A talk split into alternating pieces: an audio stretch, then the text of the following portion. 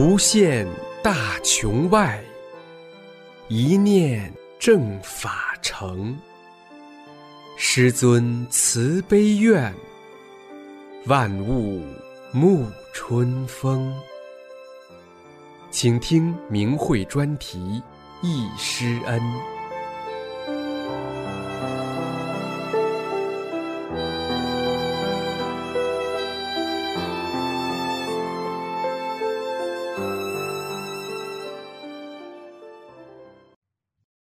请听《易师恩》专题文章《珍贵难忘的回忆》，作者辽宁丹东大法弟子。文章发表于明慧网，二零零七年三月十四日。生长在宇宙末节时期，一个业力满身的人，有幸赶上旷世难遇的得法机缘，师尊红传宇宙大法。身心沐浴在佛恩浩荡的佛光里，每当回忆起这人生一瞬间的时光，真是值千金、值万金，无比的珍贵，无比的幸福。一，一见师尊就哭。一九九四年四月，我有幸参加了师尊在长春举办的第七期传功传法学习班。第一次见到师尊，就感到师尊与众不同，对人那么亲切、平易近人，始终微笑着，无比的祥和和慈悲，时时想到他人，处处为弟子着想，一身简朴的衣着却透着无比的圣洁。师尊为了让弟子学好法、修炼上去，总是牺牲自己的休息时间。经常提前到场，不辞辛苦，提前坐在讲台上给大家解答问题。在学习班上，我也与其他同修一样，总想在师尊的身边多待一会儿，更想多听师尊讲法。每次听课，我也总是提前到场。有一次，我坐在楼上的位置，还没到讲课时间，同修们陆续进场。这时，只见师尊进来了，正和一位学员讲话。我这边一见到师尊，眼泪唰的一下涌了出来。这时，我想，我为什么一见到师尊就哭呢？就在这天的讲法中，师尊说：“大意是，有的人不知道为什么一见到我就哭。”那是因为他明白的一面，知道我都给了他什么。我一下子明白了，我为什么一见师尊就哭，是因为师尊给我的太多太多了。我明白的那一面感受到了，感动的哭了。我人的那一面能不哭吗？后来通过师尊讲法，我知道师尊给了我们许多许多。把我们从地狱里捞起来洗净，又把万古不遇的宇宙大法传给我们，等于给了我们一架上天的天梯。师尊在洛杉矶市讲法中说：“这次正法是要整个宇宙发生根本变化，所以大法弟子在修炼中就从微观上重新调整了。”把不需要的东西直接去掉了，这是从根本上改变了这个生命的状态，这是和以前修炼不同的。想一想，师尊给我们做了一件什么事情啊？师尊恩赐给我们正法时期大法弟子的称号，恩赐我们救度众生、正视大法、保卫宇宙的神圣使命。师尊给我们树立威德的机会，我们又是正法时期与师父同在，是令宇宙众生人人羡慕的大法弟子。这一切，一切都是宇宙中绝无再有的荣耀。同修说得好，师父的法传得太不容易，从开始传法这些年来，一分一秒都没有停过。许许多多，我们永远都不能知道，我们的心也永远装不下的。现在正法到了最后，师尊带着我们从亿万艰险中又闯过来了。作为弟子，感到师尊伟大，佛恩浩荡，而这人类的词汇怎么能承载得了伟大师尊恩赐给我们师恩的万分之一呢？二，师父的宏大慈悲。有人是骂着进班听课的，这种人确实有。和我一起进班听课的就有这么一个人，就是对师尊不敬。每当听完课，在回家的路上，大家既兴奋又激动，回忆起师尊讲法时的慈悲和美好，而这个人偏偏插嘴说些对师尊不敬的话，大家说他，他也不听。我因此对他很反感。再听完课，就不和他一起回去了。这个人听课的时候坐在前八排，座位正好对着师尊的讲台。他的坏念头，师尊能不知道吗？可我每次观察，师尊讲完课从讲台上走下来，给学员纠正动作时，在前排走来走去，面带着微笑，透着慈悲，望着每个学员。走在这个人的面前时，也是慈悲祥和的望着他，没有一点异样。这件事对我的心灵震动很大。我觉得这个师傅不是一般的人，是圣人。因为我以前参加过别的气功师办的班，前呼后拥，赞美之词不绝于耳。如果是哪个学员对他有点微词，马上就在课堂上大发脾气。甚至还来个报复，可我们的师尊面对听课的人对他的不敬，一点都不动心，大善大忍，根本就不理会的。后来师傅在讲课中说过，大意是：有人骂着我进班听课，可我就是要把他渡成。博大的胸怀，宏大的慈悲，何人能比得上？在以后的修炼中，每当我遇到心性上的摩擦、矛盾尖锐、很难过关时，我常常想起师尊的大善大忍、包容一切的胸怀。师尊是谁？无量大穷、无量众生的创造者，大穷的主宰。对骂他的人能如此宽宏，还要把他渡成，这是何等的容量，何等的宽容！何等的慈悲！而我生在宇宙尘埃上的一个微生物般的小小生命，遇到事情还要什么是非理表的进行辩解呢？我不是太可怜了吗？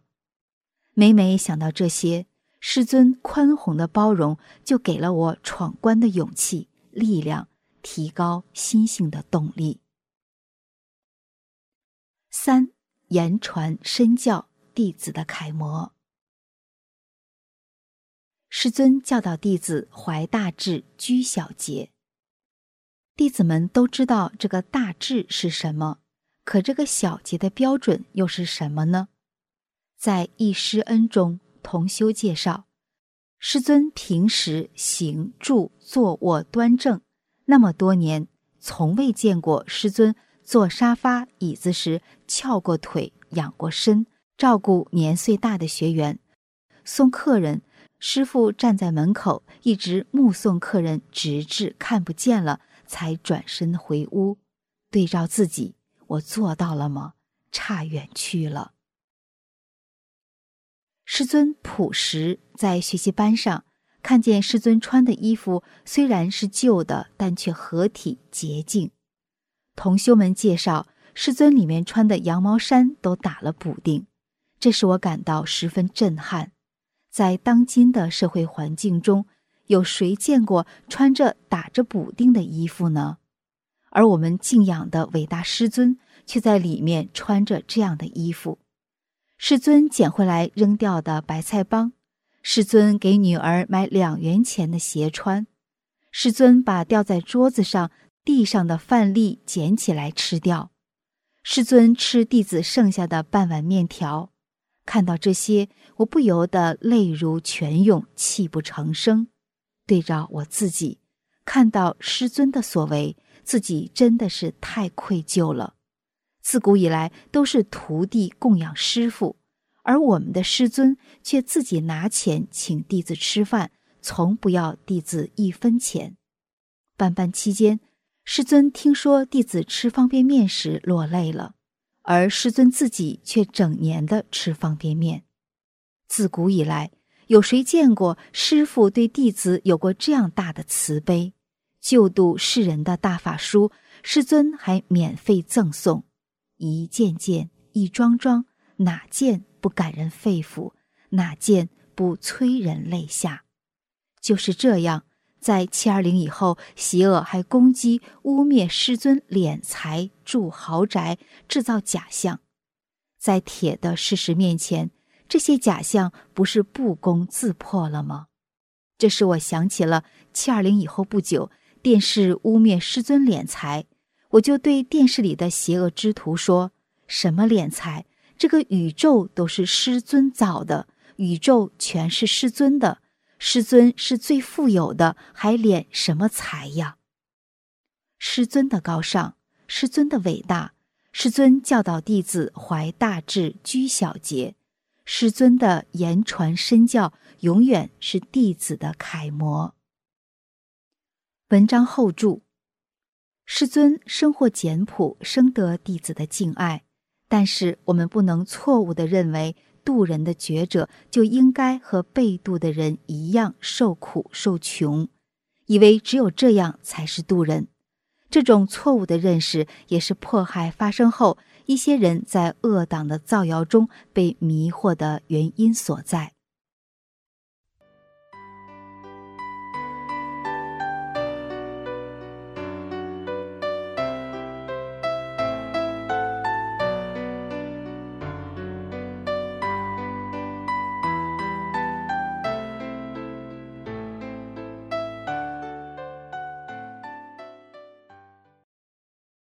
请听明慧易师恩专题文章，题目是《师父东营行千年的等待》，作者山东东营市大法弟子梁友。文章发表于明慧网，二零零七年四月十八日。看了建议东营地区同修写下师父来传功讲法的珍贵回忆一文后，我就把自己所知道的一些珍贵回忆写出来。一。东营的大缘分。相传唐朝初年，大约公元六二一年前后，唐太宗李世民亲自率兵东征高丽，大队人马行至渤海湾东营地区附近，但见北面远方烟波浩渺，便令大部队驻扎，派遣一队人马去探东进之路。这队千人兵马行至现在的东营村这个地方时，只见荒滩漫漫，盐碱遍地。渺无人烟，只好就地安营扎寨，待机行事。不久，军队接到留守驻扎的命令，兵马分成东营、西营两个营地驻守，在盐碱滩上开垦荒地，熬盐牧马。一晃数年过去，将士们一直没有接到唐太宗的调令，也没有听到过换防的事。以后，将士们便相继在此成家立业，繁衍后代。当时的营地就是最早的东营村、西营村的村址。垦利县原是黄河河水泥土淤积形成的平原，是由利津县的垦区新建的县。公元一九六一年，东营村东部钻出了一口日产千吨的油井，从此发现了胜利油田。到目前，东营市总面积八千零五十三平方公里。由于海滩不断变成陆地。东营市的土地面积还在不断的扩大，至二零零四年年底，东营市辖东营、河口两个区，广饶、利津、垦利三个县，二十三个镇，十三个乡，一千八百六十四个自然村。二零零一年底，全市总人口一百七十三万，其中地方人口一百三十四万，胜利油田人口三十九万。大法开船。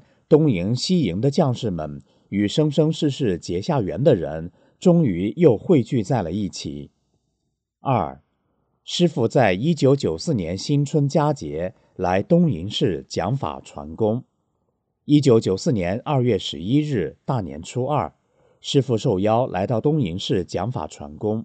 从二月十一日开始到二月十八日，农历正月初二到正月初九，每晚讲法传功两小时，十八点三十至二十点三十。东营法轮功学习班设在垦利县委招待所礼堂，为期八天九堂课，初九最后一天两堂课。下午和晚上各一堂课。垦利县南来北往，每天只有几趟交通车。县城到胜利油田基地五十华里，晚上没有交通车。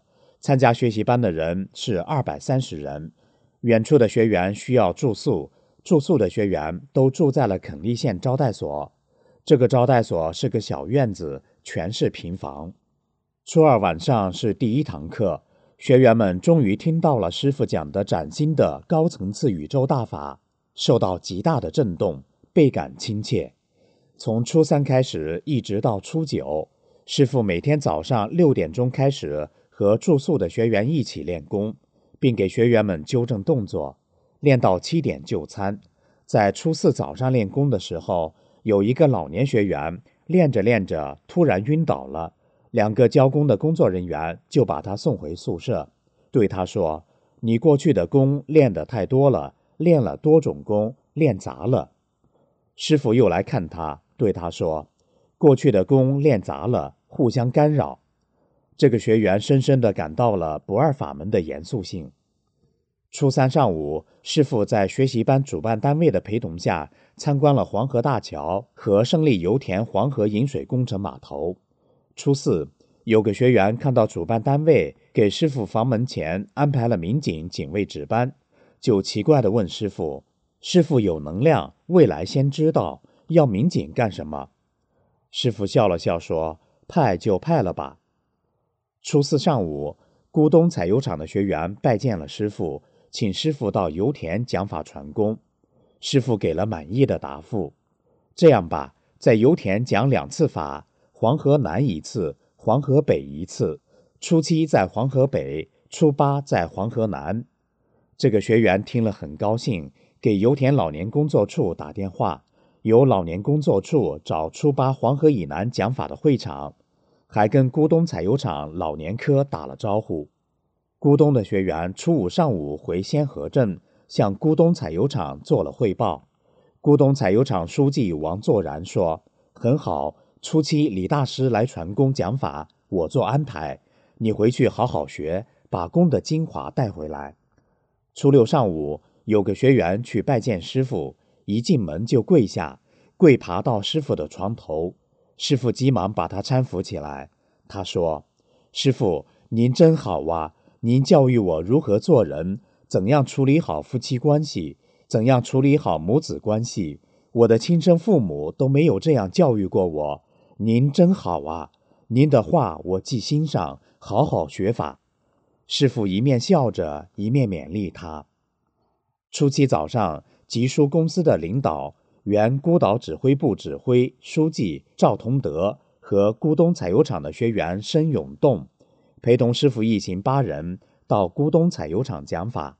车经过黄河大桥，在大桥上，车开得很慢。学员先请师傅参观了东营海港，师傅看了海港开往大连的客轮，师傅全家三人在码头上合影。参观完海港后，师傅又去了孤北庄十一井。师傅一行沿着一条笔直的一公里长的人工海坝深入大海，海坝的末端是一个大平台，平台周围除了西来的通道外，三面都是海水，有时涨潮。海水都能涌上平台，平台上面打的几口油井，作为咕东景点之一。凡来咕东参观的都要来这里。学员向师傅介绍了油井下面海底是各有向东、向南、向北的斜井。师傅在孤北庄十一井与学员照了合影留念。油井本不是什么稀奇之物，但为了化解学员心中历史上的积怨。师傅还是来到了这三面环水的平台之处，因为快到中午了，师傅一行就顺海堤回到仙河镇。中午，咕东采油厂副厂长和工会主席陪同师傅午餐。下午两点，师傅在仙河影院讲法，讲法台上悬挂的横幅是“热烈欢迎法轮功创始人李洪志大师来我场传授功法”。有个学员看到来听课的只有一百二十多人，问师傅：“人来的太少了，不讲吧？”师傅说：“向前看，人还多着呢，讲。”师傅在讲法的同时，发出强大的能量，给学员净化身体。并叫学员配合，一同消除病魔。师傅讲了一个半小时的法，结束的话音刚落，立刻响起一片热烈的掌声，随后赞扬声连成一片。这个说：“我多年的关节炎，现在腿不痛了。”那个讲：“我十多年的肩周炎，现在膀子好了，胳膊能抬起来了。”还有的说：“我的病也好了，现在不气喘了。”快快！请师傅给签字留念，围着让师傅签字的不少于四十人，还有人问师傅什么时候给我们办学习班呀？围着买法轮功书的人也有几十，有的人怕买不上，还往前挤。师傅所到之处都留下了能量，留下了神迹，佛光普照。正月初七晚上讲完课后，师傅宣布成立垦利县法轮功辅导站。初八下午，师傅到胜利油田动力机械厂讲法，在路过钻井公园大门口时留影纪念。师傅在黄河大桥的神迹及在动力机械厂讲法具体情况，还请知道的同修补充。正月初八，在咕咚学员们的请求下，师傅亲手签字同意成立了胜利油田咕咚法轮功辅导站。正月初八晚上讲完课，师傅说。明天下午两点钟还有一堂课，大家按时来。初九晚上讲完课后，最后师傅对学员提出了要求，希望你们从学习班下去之后，如不能够按照大法修炼的人，最起码也能做一个好人，这样对我们社会是有益的。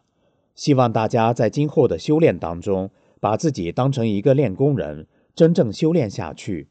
我希望新老学员。都能在大法中修炼，都能够功成圆满。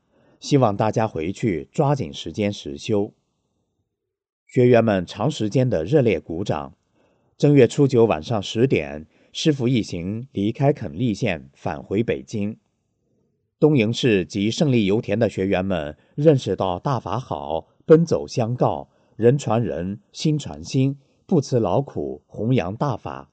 正如师傅在《精进要旨拜师》中所讲：“大法弘传，闻者寻之，得者喜之，修者日众，不计其数。”为纪念师傅来东营市讲法传功两周年，东营市胜利油田八个二级单位——咕东采油厂、孤岛采油厂、动力机械厂、中心医院、钻井工程公司、县河采油厂、泵公司、集疏公司的学员们。写了五十七份心得体会，于一九九六年一月一日由咕咚法轮功辅导站出面，托师傅的工作人员代教师傅。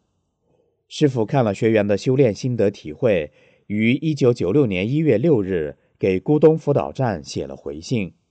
同一天，师傅发表了经文《再去执着》，大法弟子读到师傅给的信后，心里热乎乎的，感到与师傅要求的差距很大。要抓紧时间实修。这些年，东营市城市规模蓬勃发展，作为大法弟子，更感到身上的责任重大。在历史的久远，师傅就为这一地区众生的得法得救度创造了条件，安排了将来要得法的弟子。大法弟子千年的等待，就是为了今天在大法的红传中实现自己的誓约，修炼救度众生。希望东营市每一个大法弟子都不要麻木，不要懈怠，勇猛精进，清醒理智地做好师傅要求的三件事，救度每一个有缘之人，精进实修，实现自己的史前大愿，不辱师命，圆归圣果，圆满随师还。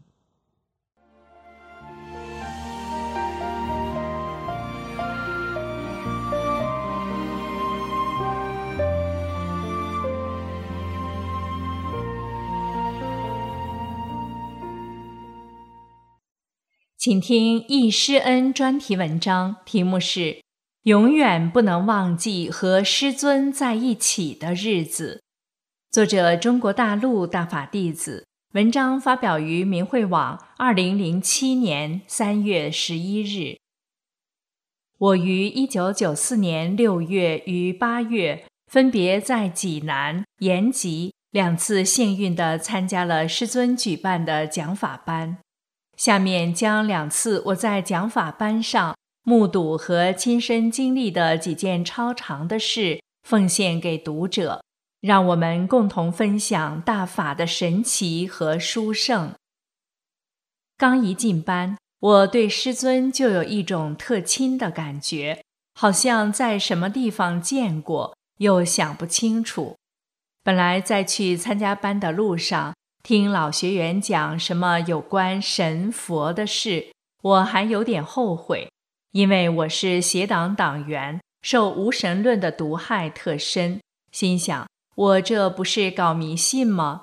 可当时疾病缠身的我痛不欲生，只好带着矛盾的心理，不情愿地参加了学习班。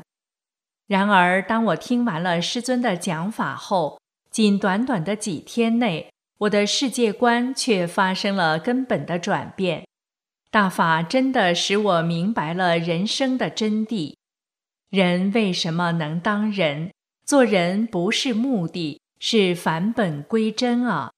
人生原来是这么回事，一下解开了很多困惑已久的心底之谜，那种喜悦无以言表。庆幸今生能得大法。太幸运了！记得当时正处在单位评正科级调研员的时候，按能力和付出，我认为自己应该理所当然的得到。结果事与愿违，心里开始不平衡，想不通，很苦，百思不得其解。听法后，我一下明白了，是我生命中没有，根本就求不来。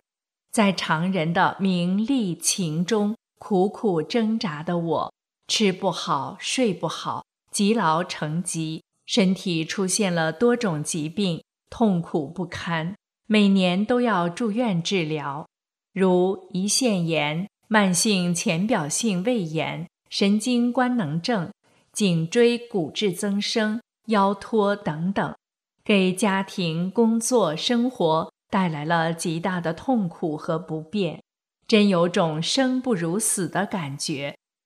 就在这种情况下，我有幸得到了法轮大法。特别神奇的是，记得在济南听师尊讲法的第二天，师尊说自己不治病，只给真正修炼的人清理身体。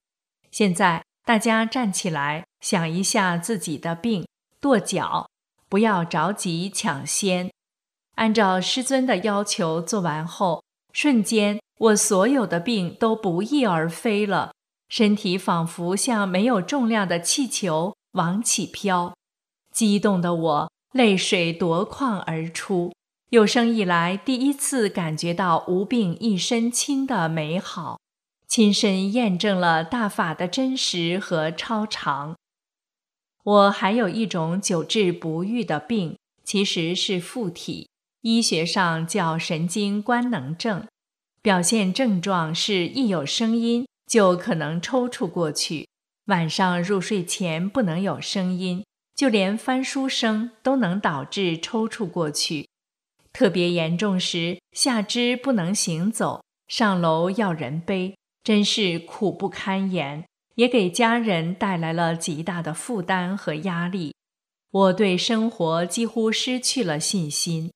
是慈悲的师父清除了折磨我多年的附体，把我从苦难中解救出来，从此告别了人类医学永远无法治愈的病，使我重获新生，同时也使我明白了。当今社会流传的各种假气功给人类带来的灾难，只有师尊才能处理和归正那些不好的东西，真正的挽救人类。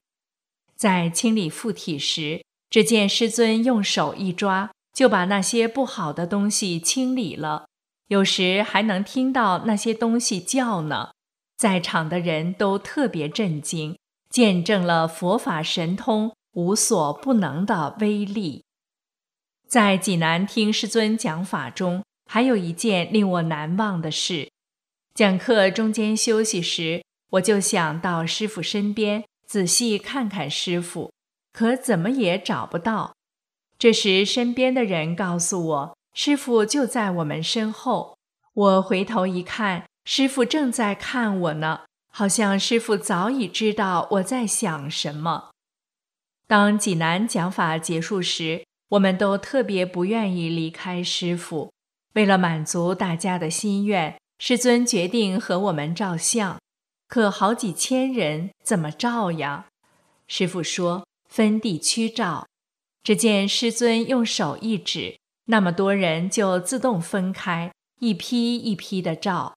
最后我们请求师尊和我们偏远地区的学员单独照。慈悲的师傅不辞辛苦，再一次满足我们的要求。当照片洗出来后。我们惊奇地发现，凡是看到的照片，无论多少学员、多高的学员和师傅站在一起照相，师尊都比别人高。开始觉得不可思议，后来我们意识到，原来师傅绝非常人。济南讲法结束了，紧接着师傅就去大连讲法。师傅告诉我们。明天去大连听课的学员不要坐飞机，乘坐其他交通工具。当时大家不知为什么，等到次日天气突然大变，民航全部停运，飞机无法起飞。这时我们才恍然大悟，原来如此。同年八月，我再次参加了延吉学习班。这次我又目睹了大法的神奇。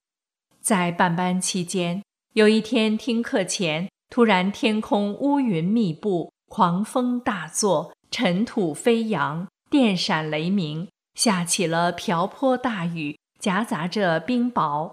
顷刻间，大街小巷一片狼藉，有的树被连根拔起，路面成了河流，汽车门都打不开。顿时造成了交通堵塞。见此情景，大家都很着急，时间马上就要到了，怎么去听课呀？就在这关键的时刻，突然间风停雨住了，大家都按时赶到了听课地点。我们知道是师傅用神通清除了邪恶的干扰和破坏。还有一件事让我更加坚信师父和大法的神迹，令我终生难忘，至今记忆犹新。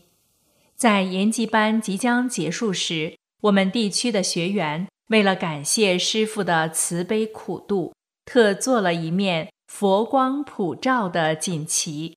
在献旗时，师父带着祥和的微笑接过锦旗，和我们握手时。不仅有说不出的温暖和慈悲，而且是我有生以来从未有过的感觉。师傅的手像棉花一样柔软，当时我心里一震，原来佛手如棉的传说是真的呀！从那一刻起，在我的脑海里根深蒂固的无神论彻底破产了。由于观念的转变，更坚定了我修炼法轮大法的决心。在返本归真的路上，我要勇猛精进，圆满随师还。